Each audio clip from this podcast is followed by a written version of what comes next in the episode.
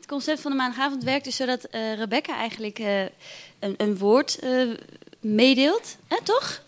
En dan gaan wij daar allemaal iets mee doen. En het woord was dus verzet.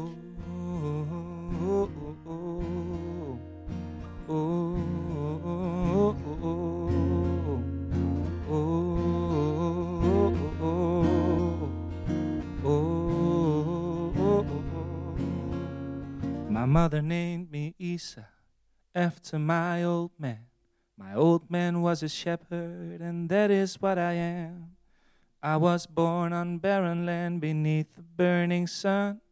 And I was raised a rambling man, always on the run. And when my mother took ill, my father took to drink. But don't worry, Mr. Countryman, I don't take after him. My mother died of fever, my father died of grief.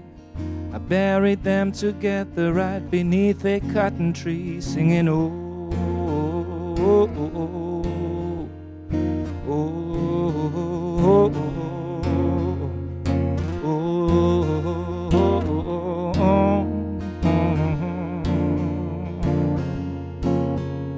They left me with a chicken and a rooster and a goat orphan and abandoned on that endless red dirt road where I've been walking for a million miles and maybe more to go. Just trying to find a fruitful land where corn and cabbage grow, singing, oh,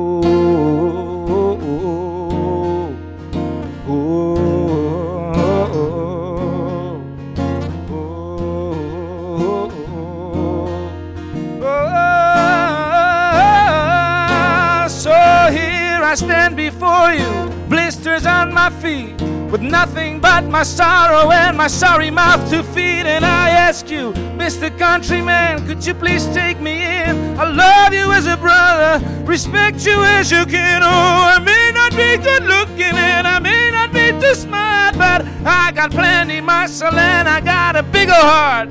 And you can have my chicken, my rooster, and my goat. If you can give me shelter from that endless red dirt road, I'm singing, ooh. in Londen op een hotelkamer. Die ik elke dag rond hetzelfde tijdstip uh, binnenkwam en weer verliet. Eén keer smiddags verliet ik de kamer dus om te gaan zwemmen in het zwembad om de hoek. En één keer s'avonds om te gaan spelen in een theater ergens vlak bij de Tower Bridge. En de uren tussen het zwembad en het theater lag ik op het grote, strak opgemaakte bed van het hotel en keek ik naar films. Iemand, de regisseur van die voorstelling waar ik toen in speelde, die had mij verteld dat je jezelf geen artiest mag noemen als je Casablanca niet hebt gezien. Dus met die film was ik begonnen, Casablanca. Daarna keek ik naar Vertigo, Apocalypse Now, toen naar Frozen, ter afwisseling.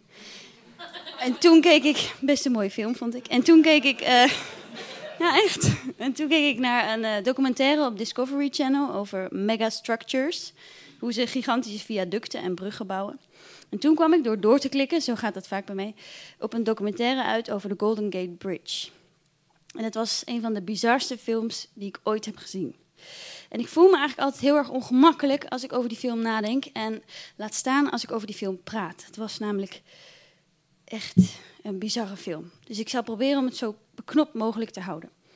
Het is een film over mensen die van de Golden Gate Bridge springen om een einde aan hun leven te maken.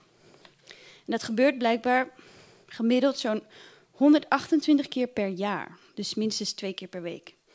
En een jonge filmstudent die besloot om daar zijn afstudeerfilm over te maken, om het probleem aan de kaak te stellen.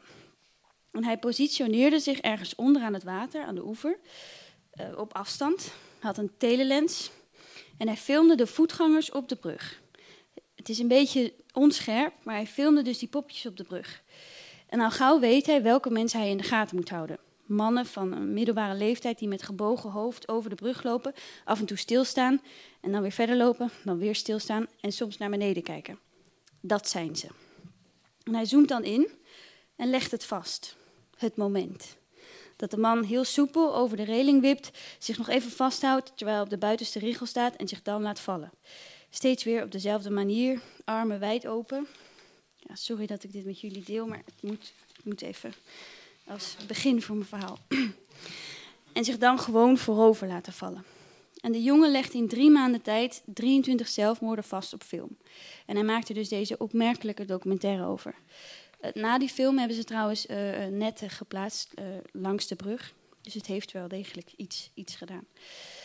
Maar de dagen na het zien van deze film kreeg ik die beelden niet meer uit mijn hoofd. Het is misschien de meest chockerende film die ik ooit heb gezien. Vooral de rust waarmee de mensen zich in de diepte lieten vallen. Terwijl ik door Londen wandelde, van het zwembad terug naar het hotel, van het hotel naar het park, langs oeroude knotwilgen in Greenwich Park, naar de metro, door Londen tot aan de Tower Bridge, tot aan de kleedkamer. Heel die weg, elke dag, kon ik aan niets anders denken dan aan die film. En ik begreep wel dat die filmstudent voor zijn film die beelden nodig had, maar ik snapte niet hoe hij er tegen kon. Kon hij niet een vriend van hem op die brug zetten met een walkie-talkie en dan roepen: Got another one, he's coming from the south, grab him. En ze dan één voor één stoppen en dan die mensen interviewen over hoe het voelt om net niet te springen. En ik bleef maar dingen opzoeken: aantallen, bruggen, preventie, alles wat ik maar kon vinden. Ik vond een verhaal over een jongen die net op het moment dat hij sprong bedacht: Ik wil toch niet dood. En in zijn val zich herpositioneerde, zodat zijn voeten eerst het water zouden raken. En hij had zware schoenen aan met dikke rubberen zolen. En hoe die schoenen zijn val braken. En hij het wonder boven wonder overleefde. Een sprong van 80 meter. En hij vertelde dat hij in het water knalde. Hoe hij voelde dat hij zijn benen had gebroken. 80 meter is echt een hele harde klap. En hoe hij toen met zijn armen probeerde om boven te komen en hoe het niet lukte. Totdat een zeehond onder hem verscheen en hem omhoog duwde. En er zijn zeehonden in de buurt van de Golden, uh, Golden Gate Bridge, dus het verhaal kan kloppen. En in het interview wat ik met die jongen zag, zei hij: Het is nu heel lastig voor me. Ik mag nergens alleen naartoe van mijn moeder of van mijn psychiater. Terwijl ik ze steeds weer opnieuw uitleg dat ik niet meer dood wil. Ik heb me bedacht. En dat een zeehond me heeft gered. En dan zucht hij en kijkt hij de camera in en zegt hij: God is real, man. I know it now. God is fucking real. En hoe meer ik googelde, hoe meer ik erover las, hoe meer het me begon op te vallen om me heen. Op plekken waar ik vroeger nooit keek. Noodtelefoons op viaducten, plakaten waarop staat Don't do it. En terwijl ik door de drukke metrostations loop en al die mannen met gebogen schouders zie die naar hun werk gaan in de Financial District van Londen, kan ik niet anders denken dan: hoe begin je eraan? Mensen in de gaten houden, hoe begin je daaraan? En dan, op dag 23 van mijn verblijf in die hotelkamer in Londen, ik was daar een maand, uh, vind ik opeens een artikel op het internet over Chen Xi. Een oud mannetje die sinds, uh, in China, die sinds 11 jaar elke dag de bus neemt naar de Yangtze River Bridge in Nanjing in China. En de Yangtze River Bridge is de grootste brug in China. En die heeft een nog hoger zelfmoordaantal per jaar dan de Golden Gate. En dit mannetje, Chen Xi, neemt dus al elf jaar elk jaar de bus naar die brug, vermomt zich als een toerist of een toevallige voorbijganger. En dat doet hij door een Mickey Mouse pet op te zetten en een camera om zijn nek te hangen. En zo wandelt hij heel onopvallend de hele dag heen en weer over die hele lange brug. En op het moment dat hij iemand ziet lopen zonder licht in zijn ogen, want zo herkent hij ze, zegt hij, het ontbrekende licht in hun ogen. Als hij zo iemand ziet, volgt hij ze op twee meter afstand. En net voordat ze gaan springen, tikt hij ze zacht op de schouder en zegt: Zullen wij een kopje thee gaan drinken? Dan neemt hij ze mee naar een theehuis vlak bij die brug. En ze kennen hem daar, want hij komt daar dus vaak. En uh, hij neemt altijd hetzelfde tafeltje ergens achteraan bij het raam in de hoek. En dan vraagt hij aan die persoon wiens leven hij gered heeft waarom ze niet meer verder willen. Hij vertelt in dat interview op internet dat het zijn hart breekt, de redenen waarom mensen niet meer verder kunnen. Vaak gaat het over een schuld van bijvoorbeeld 15.000 euro. Of schaamte, een groot probleem in de Chinese cultuur. Schaamte omdat een vrouw geen kinderen kan krijgen of omdat haar man bijvoorbeeld is vreemd gegaan. Chen Xi legt ze dan uit dat ze daarvoor niet zelfmoord hoeven te plegen. En als het om geldproblemen gaat, bedenkt hij met hun samen een betalingsplan om uit de schulden te komen. Ook vraagt hij altijd hun telefoonnummer en belt ze de eerste maanden geregeld op om te vragen hoe het gaat. En Chancy doet dit nu al 11 jaar en heeft inmiddels ruim 300 mensen het leven gered. Hij is gestopt met tellen. En een paar jaar geleden schreef een journalist van The Guardian een artikel over hem. en noemde hem de Yangtze River Angel. En na dat artikel werd hij door de Chinese overheid op het matje geroepen. Omdat ze in China niet graag hebben dat iemand uitgroeit tot een soort volksheld. Dat doet te veel denken aan verzet. En Chenzi werd vriendelijk verzocht om zijn acties te staken. Chenzi's antwoord aan de Chinese overheid was als volgt: Maar ik doe niets. Ik neem gewoon elke dag de bus naar de brug. En ik drink thee, verder niets. Dat kan niemand mij verbieden. En tot op de dag van vandaag wandelt hij daar met zijn Mickey Mouse bed op. Op zoek naar mensen die niet meer. I bear my body barefoot through the desert where I go. Been walking here for days on end and not a soul I've seen. I think of where I'm headed. I think of where I've been. Then far off in the distance, a dusky figure looms. The outlines of a waving robe, a woman, I presume. She's dancing on the desert's edge. In clouds of dust she hides. She beckons me as if I must meet her on the other side, and she sings, Oh, oh, oh, oh, oh, oh, oh, oh, oh, oh.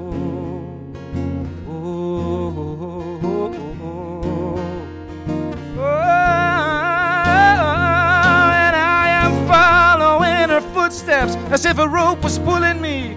Now, could this be a woman or a sunbeam's trickery? But there she is in all her beauty, dancing on the endless line of where the heaven meets the earth.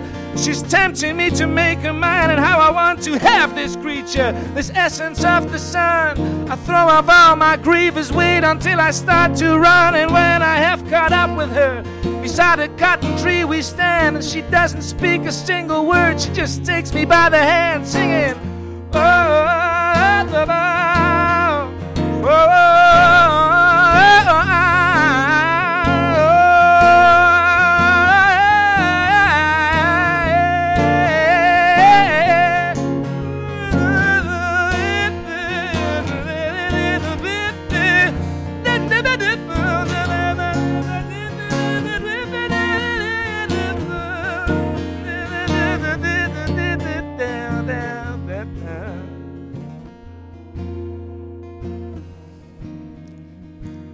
hou wel van deze omgeving. Sommigen onder jullie zullen wellicht denken: ja, natuurlijk. Hij heeft hier in dit huis 30 jaar zowat gewoond. Maar daarover wil ik het nu niet hebben. Ik hou wel van deze omgeving, deze kamer, met wat mensen erin, niet te veel. Iemand op een verhoogje. Iemand die zegt, of liefst nog fluistert. Want is deze samenscholing wel toegestaan? Voor het eerst heb ik na dertig jaar geen last meer van die tralies voor de ramen.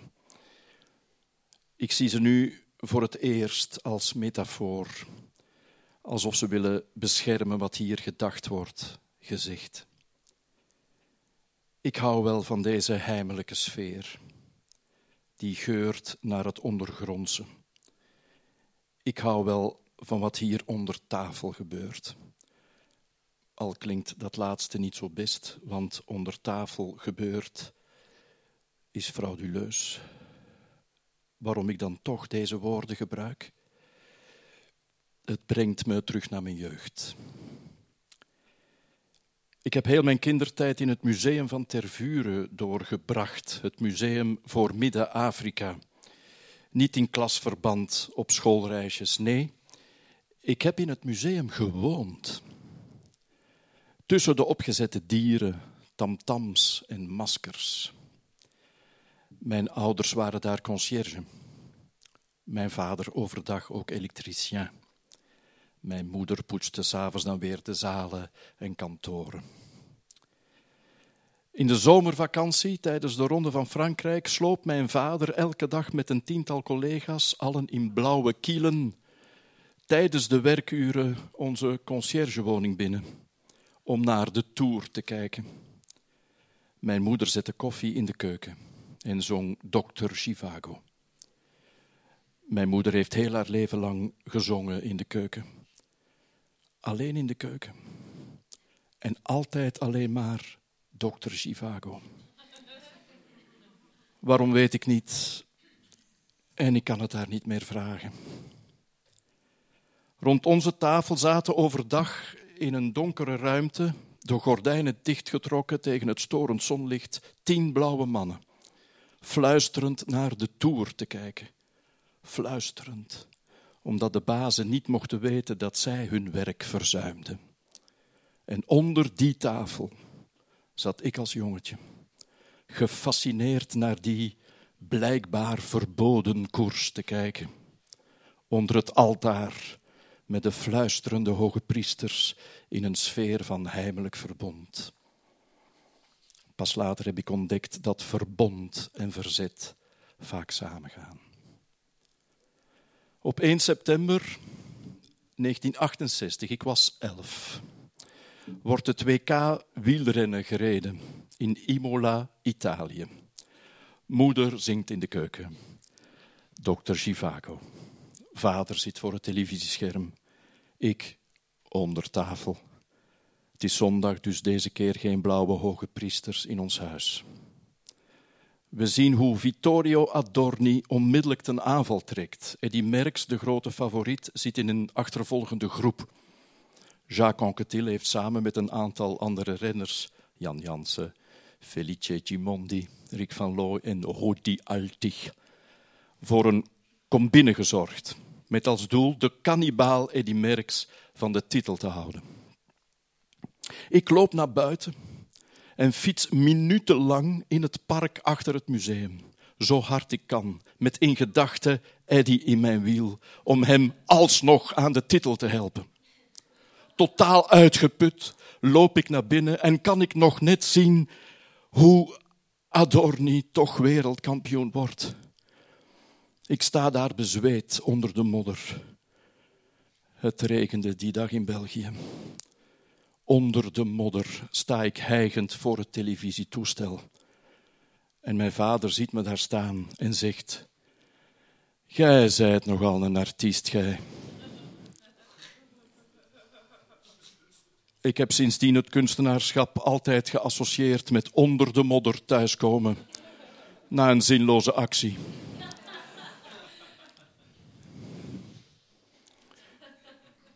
Ik ben heel mijn leven door sport gefascineerd gebleven. En ik kruip nog altijd onder tafel om er naar te kijken. Ik verzet me tegen de grote schermenfeesten in cafés of op pleinen. Ik kan niet tegen massabijeenkomsten. Ik wil alleen zijn met mijn spanning of vreugde, met mijn verdriet of ontgoocheling.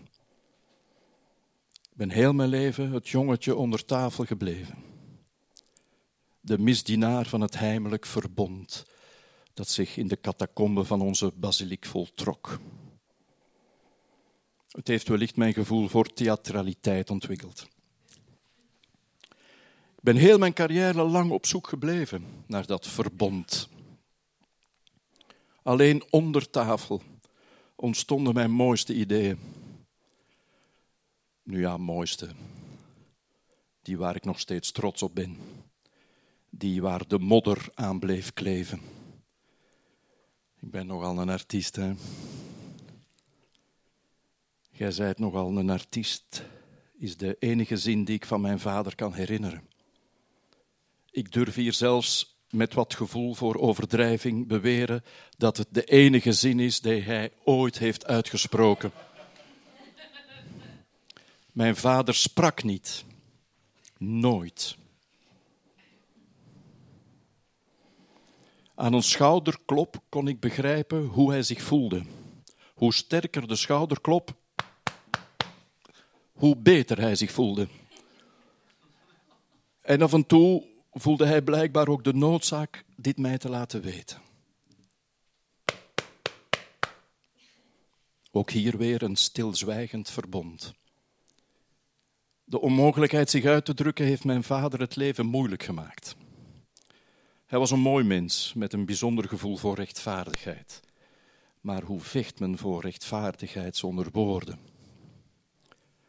Toen ik klein was, werkte in het museum nog een kolonie zwarte arbeiders die vers uit Congo waren geplukt.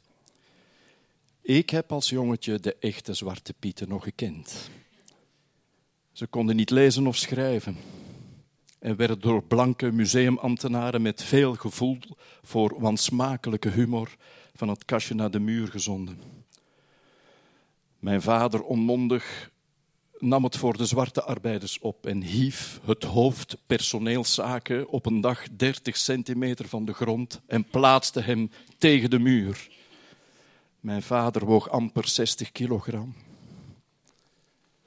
Nadien kreeg hij een blaam voor slecht gedrag en dronkenschap tijdens de werkuren. Dat laatste was wellicht waar. Mijn vader sloop niet alleen voor het wielrennen onze conciergewoning binnen, ook soms voor een flesje bier. Het gaf hem wellicht de moed tot actie over te gaan. Een paar jaar later werden zijn schouderkloppen plots zwakker. Een absces in de keel bleek later kanker. Zijn stembanden werden verwijderd. Alsof een god had gezegd, meneer Van der Vost, u weigert het instrument te gebruiken dat ik u heb gegeven. Dan neem ik het maar meteen weer weg. Na de operatie werd het niet stiller in ons huis. De schouderklopjes werden steeds zwakker, tot hij zijn hand niet meer op mijn schouder kreeg. Ik ben sinds kort, vijf maanden om precies te zijn, ouder dan mijn vader. Ik lijk heel sterk op hem. En ik ben een heel jaar in gedachten bezig geweest met deze mijlpaal in mijn leven. Zou ik de kaap van mijn vader halen? Misschien zijn het de woorden die ik wel heb, die de onmacht die ik met hem deel verzacht en daardoor draaglijk maak. Misschien zijn het de woorden waardoor ik overleef. Woorden waarmee ik mij verzet tegen elke soort van dwang. Diezelfde woorden die dan weer op hun beurt beschermd moeten worden tegen het verzet van de brutaliteit die geen woorden nodig heeft, laat staan kan verdragen. Misschien ben ik heel mijn carrière lang alleen maar de conciërge geweest van een museum met gerangschikte woorden en bedreigde teksten die om een of andere reden beschermd moesten worden. Gerangschikt, uitgesproken, omdat zij de basis vormen van broodnodige tolerantie. Vandaag moet echter de kunstenaar meer kleur, bekend, meer kleur bekennen dan wat anders. Hij moet zijn maatschappelijk engagement bewijzen door het enkelvoudig te benoemen. Zijn engagement mag geen middel meer zijn, maar doel. Een tijd geleden zie ik in het museum Kruller-Muller een portret van Leopold II hangen. Voor mij niet zo ongewoon. Eh, ons huis hing vol met zijn portretten. Hij hing als het ware tussen onze andere familiefoto's. Hij had, hij had Bompa Brussel kunnen zijn. Het was een werk van Jan Fabre, die wou afrekenen met ons koloniaal verleden. Een portret van Leopold II gemaakt van kevers. Mooie groene kevers. Het groen van geoxideerd koper. Koper dat ons land met tonnen uit Congo had gestolen. Dit was duidelijk een politiek geëngageerd werk hij had het portret ook uh, in koper kunnen maken, maar dat zou te gemakkelijk geweest zijn. Nee, die kevers deden meer aan koper denken dan koper zelf had kunnen doen. Hij zal de Dicra nortina micans wel gebruikt hebben, dacht ik bij mezelf. Of de Stephanortina gutata. Afrikaanse groene kevers. Welke kever zou Jan zonder vrees voor Leopold II hebben gebruikt? Ik schrok toen ik dichter bij het portret kwam. Jan had een kever gebruikt die ik niet kende. Forser dan de Dicranortina micrans, van een giftiger groen dan de Stephanortina gutata. In een folder uit een houten bakje kwam ik te weten dat hij de Sternornica acisignata had gebruikt. Een juweelkever uit Thailand. Een plaagkever. De vrees van elke Thaise landbouwer het onkruid uit het palet der kevers, die met tonnen verdelgd worden, voor het rapen liggen in de velden. Een Thaise kever, voor het portret van Leopold II. Had hij er nu een portret van koning Boemibol meegemaakt? Dat had nog eens een politiek statement geweest. Maar Leopold II. Leopold II draai je enkel een loer met de Dikra Martina Nikrans of de Stefan Ortina Gutata. Het gemak van zijn materiaalkeuze ontgoochelde me. Het verriet in deze kwestie de commercialisering van zijn zogenaamd politiek engagement. Het zal wel wat met schoonheid te, schoonheid te maken hebben gehad. Ik weet het wel zeker. In elk interview zegt hij het. Het is een ode aan de schoonheid. Iets wat andere kunstenaars vandaag nogthans verweten wordt. En toch durf ik hier beweren dat geen enkel keverwerk van Fabre de schoonheidservaring heeft kunnen benaderen die ik als jongetje in het museum van mijn vader heb gehad. Urenlang stond ik gefascineerd in onze keverzaal, die de wereld wou vatten in een honderdtal kaders, met kevers gerangschikt volgens grootte en kleur. Als jongetje al verbaasde het me dat ook volwassen wetenschappers geen andere rangschikking wisten te vinden dan die kinderen maakten. Urenlang keek ik naar de bruilegene rozenkever, de kleine kastkever, een kwelgeest voor de Afrikaanse bijen. Bruin-zwart, niet mooi. De Goliathkever, zo groot als een kinderhand, maar niet zo onschuldig. De kopergroene Dicra nortina micans, de bloemkever of Stephanortina gutata, even groen maar met een rood streepje. De Eudicella graliubini, een prachtig lid van de Afrikaanse familie Gouden Toren. Goud genoemd, maar groen, met witte vlekken en rode pootjes. De rode palmboomdoder, de Afrikaanse moordenaarskever. Een van de gevaarlijkste dieren ter wereld. Injecteert gif in zijn prooi waarna de binnenkant van zijn slachtoffer vloeibaar wordt en hij het vocht met zijn slurfje leegzuigt. De smaragdkever, intens purper met een parelmoeren glans, heel beweeglijk, wat hij in ons museum niet kon bewijzen met dat speldje in zijn rug. De neushoornkever of de Oricestes nasicornis, mestkevers, waterkevers allemaal doorprikt met speltjes, die ook door kleine kaartjes staken, waarop met kroontjespel een nummer, pen, een nummer was geschreven met een Latijnse naam. De wereld, tot getal gemaakt, gerangschikt in kaders, opgeteld, verteld. Er was eens en toen, en toen, en toen.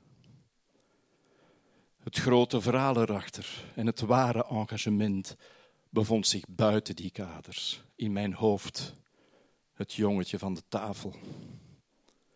Maar ik ben geen artiest, papa. Ik ben zoals gij, conciërge. Iemand die de deur openpaakt voor anderen en ervoor zorgt dat de zalen nadien netjes weer achtergelaten worden.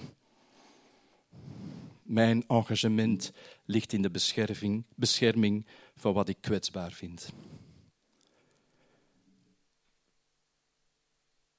In een documentaire op VPRO, heel lang geleden, pijnlijk lang geleden, hoorde ik George Steiner zeggen. Tijdens het Stalin-regime werden de gedichten van Mandelstam allemaal in beslag genomen. Maar zijn vrouw liet elk gedicht door tien mensen uit het hoofd leren. En elk van hen leerde ze nog eens, tien mensen, en zo verder. Hierdoor kwamen ze in veiligheid. Dat is de diepste vorm van publicatie die mogelijk is. De publicatie via de menselijke ziel.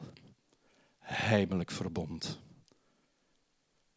Tijdens het schrijverscongres van de Sovjet-Unie in 1934, het was een gruwelijk jaar. Dagelijks, dagelijks verdwenen er honderden mensen. Pasternak wist dat ze hem gingen arresteren. Als hij iets zei, om wat hij zei, als hij niet zei, omdat hij zweeg. Er waren 2000 mensen aanwezig. Zdanov, Stalins politiebeul, zat op het toneel. Het was een driedaags congres en bij elke toespraak werd herhaald: Dank aan kameraad Stalin, dank aan vadertje Stalin, dank het Leninistisch-Stalinistisch groot verhaal. Pasternak zei geen woord. Op de derde dag zeiden zijn vrienden tegen hem: Luister, ze gaan je toch arresteren. Misschien moet je iets zeggen wat wij achterblijvers met ons mee kunnen nemen. Hij was een reizige, elegante verschijning. Toen hij opstond, had iedereen hem onmiddellijk opgemerkt. En op het immense podium zei hij een getal. En heel de zaal stond recht. 2000 man. Het was het nummer van een sonnet van Shakespeare dat hij had vertaald. De hele zaal zei het gedicht uit het hoofd op. Het betekende: jullie kunnen ons niets maken. Je kunt Shakespeare niet vernietigen. Je kunt de Russische taal niet vernietigen. Je kunt niet uitwissen dat wij die vertaling uit het hoofd kennen die Pasternak ons gegeven heeft. Hij werd niet gearresteerd. Ten slotte kan niemand iedereen Ja, arresteren. Ja, ik ben, ben eh, vorige week ergens door uh, Suus aangesproken. En eh, is uitgelegd wat die maandagavond is. En ik dacht, ah, kei tof. En toen werd ik uitgenodigd. dacht ik, oeh, oké. Ehm, en zei, ja, ja, je, eh, je bent een politiek project bezig. duh, We doen het over verzet. Ik zeg, ja, ja, prima, natuurlijk, oké. En toen zei ik, Suus, mag ik dan ehm, een politieke speech geven? Eh, en dan, moet je, dan zeg je er eh, gewoon bij, heel eerlijk, dat ik dat nog niet echt zoveel heb gedaan. Maar dat is een beetje zo een jongensdroom. Dat is een echte politieke speech. En, dus ik zag mijn kans schoon. En eh, ik zeg, het zal niet lang duren en zo. eh. Het doek gaat open en het theaterstuk start. Nog 643 dagen te gaan voor de volgende gemeenteraadsverkiezingen. Maar in Antwerpen is het spel al begonnen. Sommige spelers kennen we al. Sommige spelers zijn speciaal in onze stad komen wonen. Sommige spelers stonden al jaren in de coulissen te wachten op hun kans en komen nu luid het toneel opgelopen. En eigenlijk kennen we het stuk al. Was dit de eerste keer? Eh, ja, ja, ja. ja, niet voor een, om een speech te geven, maar zo van dit type. Van dit type ja. Van eh, welk type? Ja, het, het Martin Luther King type. Dat probeert iedereen eh, aan te aspireren natuurlijk. Hè. De, de opbouw in de, in de herhaling, de climax. Ja. In mijn hoofd wil ik dan een, een zwarte dominee zijn, maar eh, Maar je bent een oefenen. Antwerpse jongen. Ja. En we begonnen de avond met eh, de woorden van Remco Kampert. Verzet begint niet met grote woorden, maar met kleine daden. En eigenlijk vooral vanwege die kleine daden is het dat we jou hebben gevraagd of, of zoiets bij jou terecht gekomen is. Want je hebt iets gedaan. Je doet al heel veel dingen, hè, heb ik gelezen. Je geeft programmeerles aan, aan eh, andere staligen. eh, eigenlijk gewoon aan kinderen in de safehoek. Eh, het heet, heet dan ehm, eh, kinderen met een eh, sociale kwetsbaarheid. Heet dat. Sociale kwetsbaarheid. Ja. En, en die, hoe heb je die in jouw les gekregen? Eh, ik ken toevallig wel leerkrachten in die buurt en ik heb gezegd... eh, zoek ons eens de kinderen die nergens terecht kunnen in het weekend. En zo degenen die niet graag voetballen op een pleintje. en die zich steendood vervelen. en stuur die maar naar ons. En dat hebben ze gedaan. En dat waren eh, vooral meisjes. Ja, dus ze leren spelletjes programmeren. eh, ze kunnen 3D printen en zo. We hebben ook toegang tot een fablab. Eh, Fablab? Ja, dat is zo'n fa fabrication labo. ja, sorry. Dat staat gewoon vol met 3D-printers en, en lasercutters. Dat zijn Oké. dingen waar je dingen mee kan uitsnijden. Ehm, ze maken ook elektronische circuits. Oké, dus ze hebben ook al van die mini-robotjes gebouwd en van die toestanden. Ja. super. En waarom is dat fijn? Waarom is dat fijn? Ja, Om met die kinderen eh, te werken en te zien hoe ze binnenkomen. En, en... ja je, je krijgt enorm veel terug. Hè. Als, ehm, ja, die kinderen zijn gewoon waanzinnig enthousiast. eh, zeer creatief. Eh, je ziet die ook altijd met nieuwe dingen, ideeën komen en zo. Er wordt, er wordt iets gemaakt ook. Hè. We proberen heel hard een, een creatieve maakcultuur erin in te krijgen. Ehm, ja, dat, is gewoon, dat is gewoon fantastisch. Dat je, dat je, je ziet ze ook eh, ontwikkelen. Want ik, ik, probeer altijd wel zo van alles erin. Dat is een kleine grappige anekdote. Ehm, ik probeer er altijd zo'n beetje wiskunde in te sneaken. Zo. want dan moeten ze iets bouwen en dan moeten ze weten van waar dat, dat moet staan. En dan moeten we het over graden hebben en hoeveel graden zijn er in de cirkel. En uh, ik herinner me zo in het eerste jaar, op een gegeven moment ben zoiets aan het uitleggen. En een van die kindjes die kijkt zo naar mij. Is dit eigenlijk een wiskunde? ik zeg zo, ja. ja. Ah, ik haat wiskunde. Uh, maar hey, dat vind ik natuurlijk treurig. Maar het, het, uh, het mooie daaraan is dat we ze wel voorbij, voorbij dat, dat element krijgen. Um, ja, dat, zijn kleine, kleine overwinningen, ja, ja. zoiets. Ja. En je hebt nu nog iets gedaan, en, en recentelijk. Mm. Je bent een burgerbeweging gestart. Nee. Nee. Ik ontken alles. Nee, uh, het is geen burgerbeweging. Wat is het? Uh, ik, eigenlijk, uh, ik ben twee dingen gestart, maar die hebben wel met elkaar te maken. Eén is een burgerraad en de andere is een burgerlijst. Okay. Uh, een burgerbeweging is eigenlijk iets dat veel minder, over het algemeen, hè, veel minder gestructureerd is. Maar het zijn, het zijn twee procesideeën eigenlijk. Hè. Dus, dus dat is nogal wat anders, vind ik, dan uh, een grote groep mensen in een beweging te verzamelen. Okay. Dus verwacht nog geen betogingen of zo. Nee, nee, het gaat niet over de beweging, nee. het gaat over de raad en de lijst. Ja, inderdaad. En, en, en leg eens uit, wat is dat, een burger? Wat, wat is een burgerlijst? Um, een burgerlijst is... Uh, um, ja, eigenlijk, als ik erover nadenk, denk ik, ik heb dat echt zelf bedacht. uh, maar het is, het is een soort van antwoord op een, op een basisprobleem waar we mee zitten, namelijk onze kieswetgeving. Um, als, als je kijkt naar hoe dat politiek... Ik, ik, heb ook echt in een partij meegedraaid en zo, maar als je, als je dan ziet hoe dat, dat werkt... Uh, bij de mij, Piratenpartij was dat? Ja, ja. ja ik heb de Piratenpartij, een kleine partij, maar dat betekent dat ik echt helemaal in het bestuur zat en, en mee perswoordvoerder was en zo. Ik heb echt alle kantjes gezien. En dan zie je dat dat heel erg lelijk is. Um, ik, vond dat, ik vond dat eigenlijk echt chockerend. En dan ben ik erover beginnen nadenken van ja, hoe kan het nu uh, dat er een systeem is uh, waarin dat mensen zich zo snel zo beginnen te gedragen met alle beste intenties. Hè? Want dat wil ik er wel bij zeggen, ik denk dat politici over het algemeen altijd beginnen met de beste intenties, maar dan blijkbaar op de een of andere manier in zo altijd in hetzelfde straatje terechtkomen en dan met elkaar beginnen ruzie maken, intern, extern, dingen beginnen beloven die ze niet kunnen nakomen. En je kent het allemaal, alle clichés op een hoopje. Uh, dan misschien een paar die, die uh, wat corrupteren en zo. Um, en dan voor mij, het antwoord erop was dat de kieswetgeving dat eigenlijk een klein beetje bijna afdwingt, maar niet echt. En dan dacht ik, ja, misschien is daar ruimte. Hè? Want je hebt dan, de kieswetgeving zegt eigenlijk niet dat je verplicht een partij moet maken. En dat is eigenlijk een heel interessant idee. Van, hmm, oké, stel dat je geen partij maakt, wat dan? En dus dan kan je wel een kieslijst maken. En dat betekent in principe gewoon een lijst van mensen, namen, uh, die, die mogen opkomen.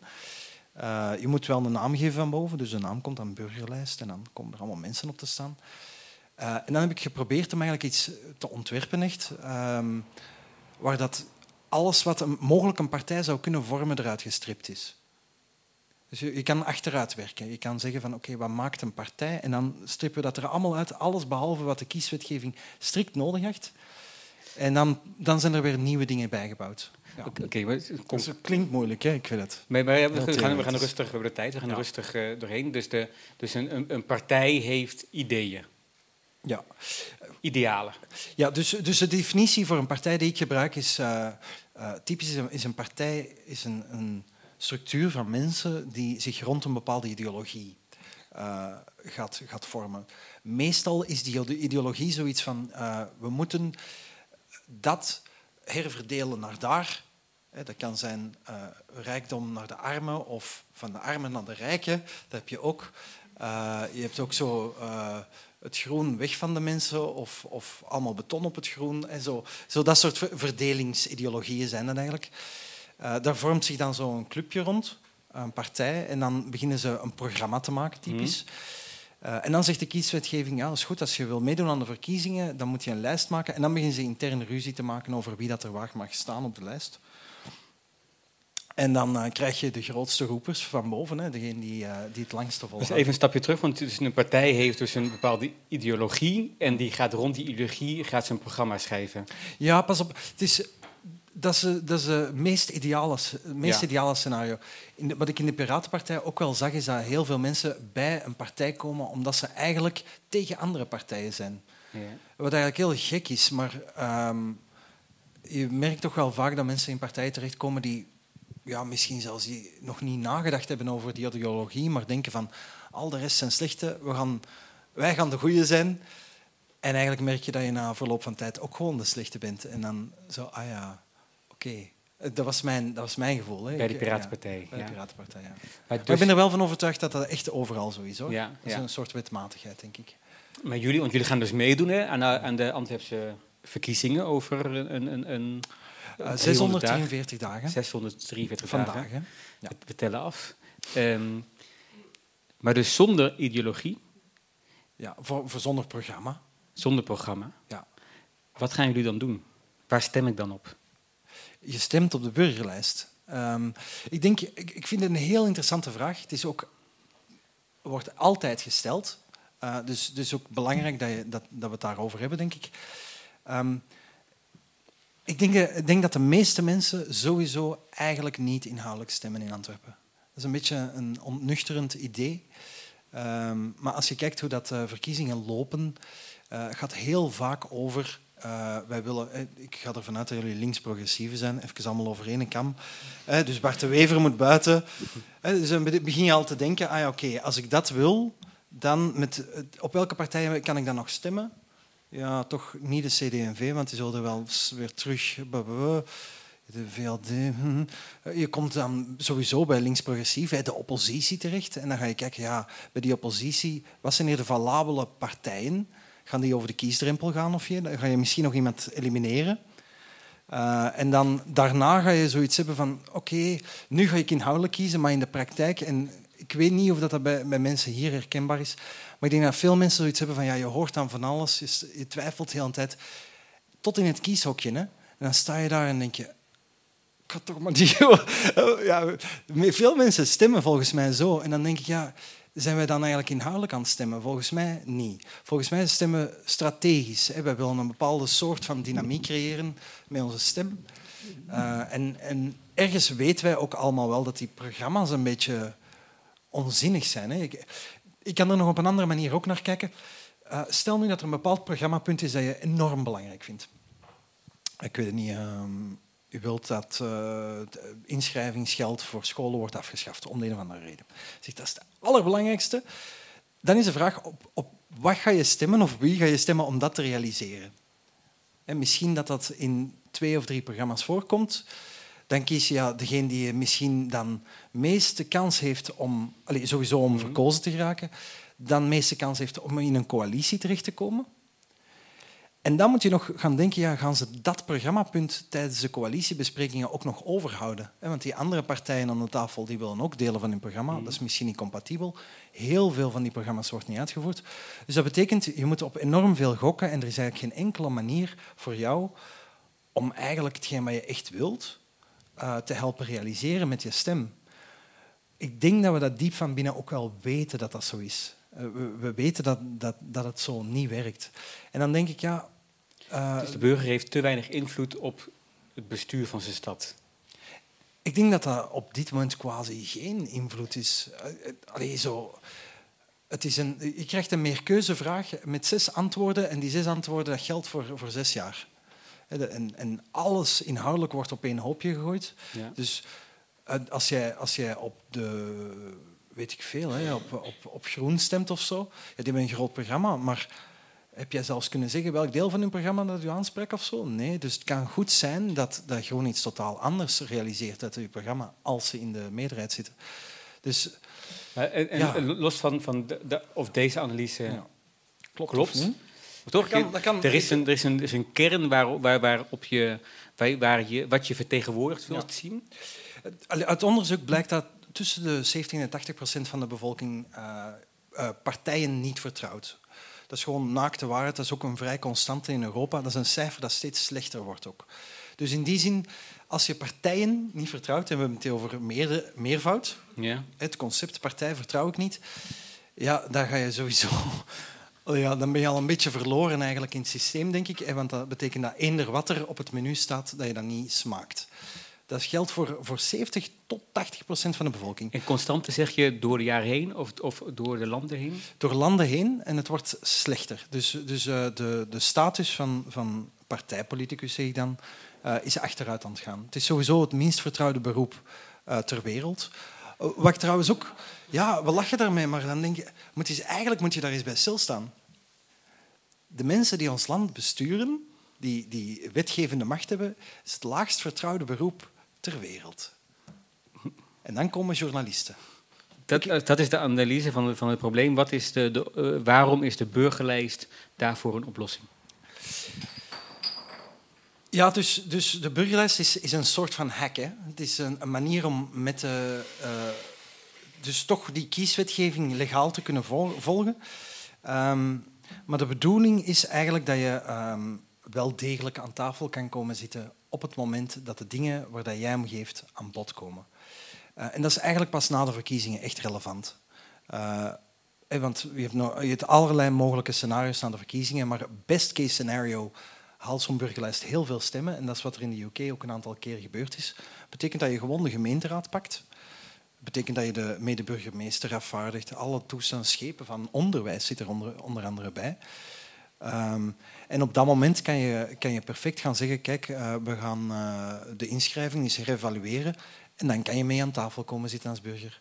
Dat is de garantie eigenlijk van de burgerlijst. En dat is ook de enige garantie.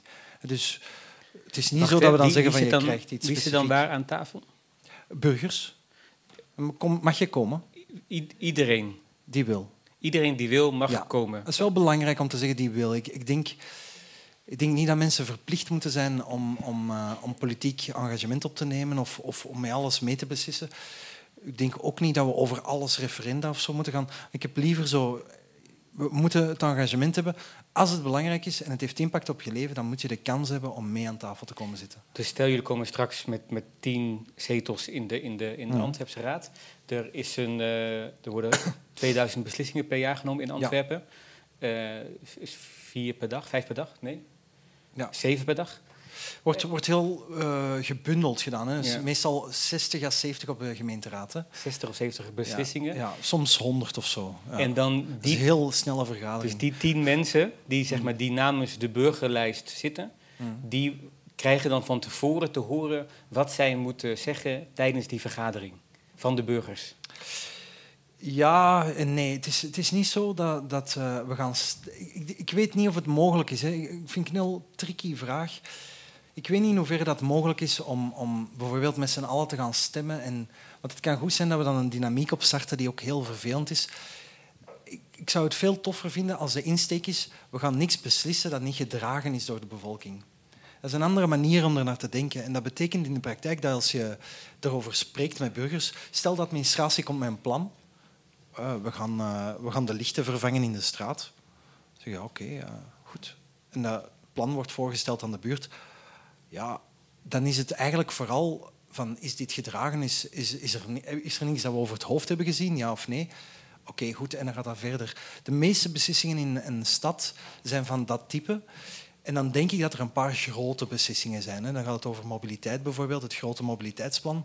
Eh, als je erbij stilstaat, eh, eh, er is 14 jaar, 14 jaar ruzie gemaakt over de ring, wat we ermee gaan doen. Staat ondertussen ook muurvast.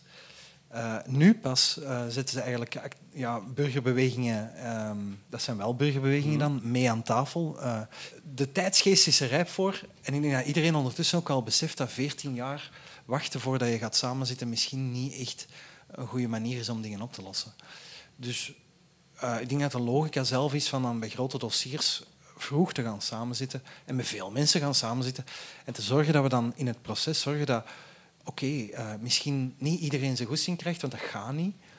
Eh, en dat we zeker niet beginnen, beginnen touwtrekken, maar eerder van oké, wat moeten we hier nog doen om, om gedragen te zijn? Ja, ja, ja. En ik denk om, om, om Ja. het verhaal ten einde te maken, wettelijk gesproken, en ik vind dat wel belangrijk om te zeggen, wettelijk gesproken zijn die uh, verkozenen, verkozen. Ja. Betekent dat je eigenlijk, wettelijk kan je die niks afdwingen. Dat kan niet volgens de grondwet. En als iemand dat zou... zou Afdwingen bedoel je mee? Dat je zegt, jij moet dit gaan stemmen. Kunnen zelfs partijen niet. Hè? Nee. Uh, dat is ook de reden waarom dat, uh, je zoiets hebt als partijdiscipline, wat in de praktijk betekent dat als je niet meestemt met je partij, dan word je uit, het, uit de club gezet. Maar je verliest je stoel niet. Hè? Uh, je blijft gewoon zetelen in, in de gemeenteraad, dan, maar dan als onafhankelijke, maar dat is eigenlijk een soort verworpene. Uh, maar dat komt om, omdat je uh, wettelijk enorm goed beschermd wordt als, als verkozene. Hmm. en ik denk wel, wat we ook doen, je kan de grondwet ook niet zomaar veranderen. Dus, dus dat is gewoon een nuchtere realiteit. En dan moeten we ook daar eerlijk over zijn. Op het einde van de dag hebben ze verantwoordelijkheid. En moeten die, ze stemmen... die mensen die namens ja. Jou, niet namens jou, maar namens de burgerlijst in het gemeenteraad zitten. Namens burgers, want ze moeten niet. We hebben geen leden of zo, hè, de burgerlijst. Je kan niet lid worden. Fantastisch. De partijen hebben lidkaarten, dus dan moet je dat meteen ja. schrappen. Uh, je kan niet lid worden van de burgerlijst. Je kan niet weet ik veel, die gaan beïnvloeden op die of die manier. Het enige wat je kan doen is aanwezig zijn wanneer het beslist wordt. Maar is het niet, zeg maar, als ik het zo hoor, dan denk ik dat jij, jouw ideaal is om de gemeenteraad af te schaffen en dat daar een grote burgerlijst top steeds van te maken. Want, want in dit scenario wat er nu gaat gebeuren, is dat die tien mensen dan achter, sprake hebben met, met, met, hun, met hun achterban. Mm. En dan komen op die maandagavond bij, ja. uh, uh, bij, bij de SPA, bij de NVA. En dan ja. alsnog dat politieke spel toch in moeten gaan. Of zie ik dat verkeerd? Maar het zijn precies twee vragen, niet? Uh, de, de, de, de, vraag is, de vraag is of ik het goed begrijp dat wat dus die tien burgerlijstmensen mm. die wij verkozen hebben, die hebben ideeën gekregen, die weten wat er leeft, wat de mensen willen, die hebben, komen tot een conclusie. En vervolgens, wat doen die dan vervolgens in de gemeenteraad? Ja, dus in principe vragen we ze wel om te stemmen volgens uh, wat burgers, uh, de, wat gedragen is. Uh, we vragen ook aan, aan, mensen die kandidaat stellen voor, de, voor de burgerlijst om iets te tekenen. dat heet de democratische eed, ook een totaal nieuw ding. En dat lijkt een beetje op de, zo de... Dat is ook gemodelleerd aan de eet dat artsen moeten afleggen. En, en advocaten ook. Um, en er staan eigenlijk een aantal dingen in die ze in eer en geweten moeten doen. Waaronder bijvoorbeeld zorgen dat wat ze ook beslissen gedragen is door de, de, de, de, burgers die ze vertegenwoordigen, wat dus alle burgers van Antwerpen dan zijn.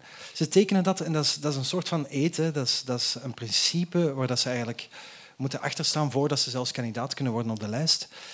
En dan denk ik, qua wapen of zo, om ze toch mentaal in die, in die ruimte te krijgen waar ze, waar ze echt met burgers werken, is dat een van de dingen die we doen. Het andere ding dat we doen, is, dat is dan die burgerraad, is eigenlijk een cultuur van participatie kweken voor ze in de gemeenteraad zitten. Want het is natuurlijk veel gemakkelijker als iemand al een cultuur heeft van praten met mensen en overleggen en luisteren en zoeken naar gedragenheid en zo. Uh, dat is beter dat je dat oefent en dat je die cultuur hebt voordat je zetelt, dan dat je dat moet gaan ontdekken als je eigenlijk al moet beginnen presteren. Hoe ver sta je?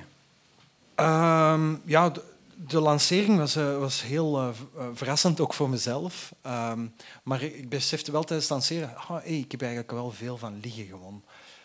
Dus met de burgerraad hebben we al een experiment gedaan. Een aantal vrienden hebben dat zo eens gedaan. Zo de, de agenda van de gemeenteraad en dan die dossiers doornemen. Um, ik heb over uitklapdemocratie, wat zo de theorie achter de burgerlijst ongeveer is, een jaar geleden al een artikel over geschreven. Allee, dat, is, dat is een proces dat toch al een tijdje gaande is. Ja? Um, dus in die zin was dat nu zo ineens, ah, oké, okay, ik leg deze kaarten. En uh, ik denk, de, de volgende stappen is gewoon ja, de volgende kaarten leggen. En we gaan die burgerraad, komt nu samen eind januari. Um, dan tegen de zomer gaan we een grote kandidatuur doen voor de burgerlijst. Dus dan mag iedereen ofwel zichzelf inschrijven ofwel iemand nomineren. Wat ik eigenlijk nog beter vind. Dat je iemand anders kan nomineren van eigenlijk zou jij in de gemeenteraad moeten zitten. Dat is niet dat die dan automatisch kandidaat zijn, hè, maar dan krijg je die van ons een uitnodiging. En dan hopen we dat we zo heel, heel goede mensen eigenlijk kunnen vinden. We zijn, we zijn begonnen met uh, Martin Luther King. Mm. Uh, iemand die iets zei wat de mensen niet nog dachten, maar het zo vaak zei en zo goed zei dat mensen dat gingen denken. Mm. Is de beweging die je nu maakt, naar de burger toe vragen wat zij denken en dat dan uit gaan voeren, niet een tegenovergestelde beweging? Met andere woorden, moet een politicus niet inspirerend zijn? Ja, maar, maar is dat wel zo? Zijn politici, eh, vinden we dat? Ik weet dat niet. Hè? Ik, kan- ik kan daar alleen voor mezelf in spreken. Ik denk, het, het probleem, eh, specifiek bij politici, hè, is, is dat eh, je altijd in je achterhoofd zit met dat electorale gewin. En je denkt altijd, die wil herverkozen worden. En dat is ook zo.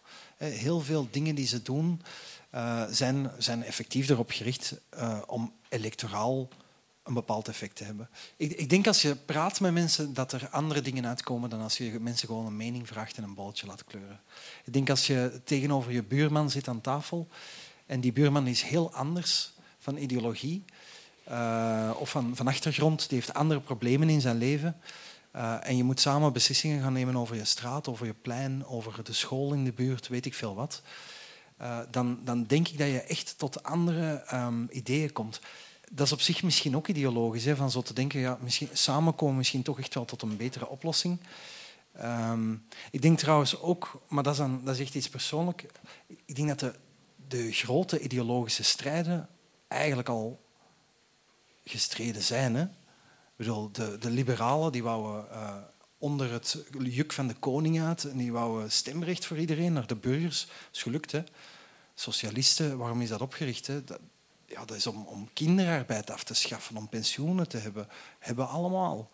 Ehm, om, om arbeidswetgeving te krijgen, om vakbonden te krijgen. Bestaat allemaal. Hè. Onze, onze, onze wetgeving rond, rond werk is bijzonder goed uitgewerkt. Dus dat betekent dat, denk van de grote ideologische ideeën, ja, op, op een bepaald niveau kan je zeggen dat we nog... Hè, we zijn aan het, aan het discussiëren over twee of drie jaar van uw pensioen of zo. Maar niet meer of dat we pensioen mogen hebben of niet, hè, dat is dan niet meer ter discussie. Dus, dus op dat vlak denk ik ook dat, dat, zo, dat grote denken, misschien, misschien hebben, zitten we gewoon in een ander tijdperk op dat vlak. Dat we geen grote denken meer nodig hebben. Nou, ik denk dat er de hele grote stromingen die, die, die we kennen, denk ik dat die zich quasi gerealiseerd hebben.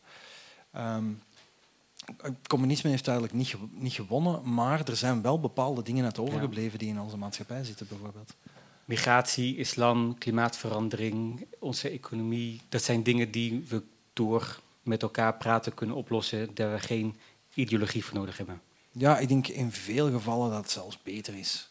Ik denk, eh, als je het over godsdienst hebt bijvoorbeeld, eh, ja, wat zien we in de media daar rond? Hè? Dat, zijn, dat zijn geen gematigde mensen, hè? langs geen van beide kanten. Wie, wie krijg je? De roepers, ja, de- de- de- dat is gewoon zo. Eh, en ik weet er alles van, want ik ben ook van nature een roeper. Ehm, maar ik denk niet dat dat een goede manier is om een beslissing te maken over een moskee in je buurt. Ik denk dat niet. De, ik heb gestemd op... Nee, jij hebt gestemd op de burgerlijst. Je gaat niet op de lijst staan, heb ik begrepen, toch? Nee, Zelf nee, niet, nee. nee. Je hebt gestemd op de burgerlijst. Er is een bijeenkomst. En uit die eerste bijeenkomst blijkt dat de meerderheid van de stemmen eigenlijk willen dat al die kinderen van die bij jou programmeerles volgen het land uit moeten. Ja. Wat, wat, wat doe je? Wat kan je doen? Daar ga ik in verzetten. Ja, maar ja. Allee, dat is, dat is een, ten eerste is het een krankzinnig scenario. Ik geloof er echt niks van dat dat zoiets zou gebeuren. Eh, ik zou de kinderen ook zeggen, kom, we gaan mee in de... We gaan, we gaan vergaderen. Wat jullie daarvan? Ja. Ik breng ze gewoon mee. Ik zeg, hier gaat het over. Eh, die, die wil, allee, als je het echt zo extreem wil trekken, ja. dan zal ik ook zo reageren. Maar ik denk... Ja, ik geloof, dat nu? Dat, dat er zo'n scenario... En ik, ik, ik snap ergens de angst wel, hè, maar eh, dat, is, dat is wel een heel fundamentele vraag. Van, he- Moeten wij bang zijn voor onze medemens? Want dat, dat is eigenlijk de vraag die je stelt. Moeten Ja. wij bang zijn voor onze buren? En dan denk ik, sorry, maar ik ben echt niet bang voor mijn buren. Zelfs niet voor hun mening. En ik denk dat in de praktijk, dat als we tijd hebben om over dingen te praten, dat, ik kan me niet voorstellen dat zij dingen zou gaan voorstellen van, eh, die, die echt mensen compleet in de miserie helpen. Dat, ik kan mij dat eigenlijk echt niet goed voorstellen. Doordat ze dan daar zitten, daar zijn, daar zitten, of zo. Waar- waarom, waarom stemt, is Trump verkozen? Waarom is Bart de Wever eh, hier de, de baas? Ik denk dat mensen wel kwaad zijn. Je, vraagt waarom stemmen die erop. Ik denk dat frustratie van, van machteloosheid mensen ertoe brengt dat ze hele gekke dingen gaan doen. Eh, Als je een kat in een hoek zet, dan weet je wat hij gaat doen. Hè? Dat is ook niet echt rationeel niet meer. Hè? En dat is bij mensen is dat ook zo. Als je ze in een hoek duwt en ze voelen zich machteloos, dan denken ze heel vaak bij zichzelf: ik heb niks meer te verliezen. Fuck you. Het gaat over de, de machteloosheid. Wat zijn dus de mensen die zich ook machteloos voelen en eh, denken: ik wil jou helpen. Hoe doen ze dat? Laatste vraag was dat. Ah ja. Hoe kunnen we je helpen? Niet zo. Ja, het is zoveel. nee, nee, eigenlijk, eigenlijk valt het keigoed mee. Ehm, Het moet geen ja, eh, verspreid het goede woord, zou ik zeggen. Eh, als er iemand is die dat kan, dan zijn jullie het wel zeker. Maar dames en heren, het antwoord op roepende acteurs is niet harder roepen. Het is gewoon stoppen met tickets te kopen voor hun voorstellingen. Ik verzet me vooral tegen het idee dat dit naïef zou zijn. Overal ter wereld zijn er voorbeelden van geslaagde projecten waarin burgers mee aan tafel schoven om een mooie oplossing te vinden, waar zowat iedereen achter staat. De enige beperkingen zitten in ons hoofd. Dames en heren, eh, Thomas Gordon Ja. met zijn eerste politieke speech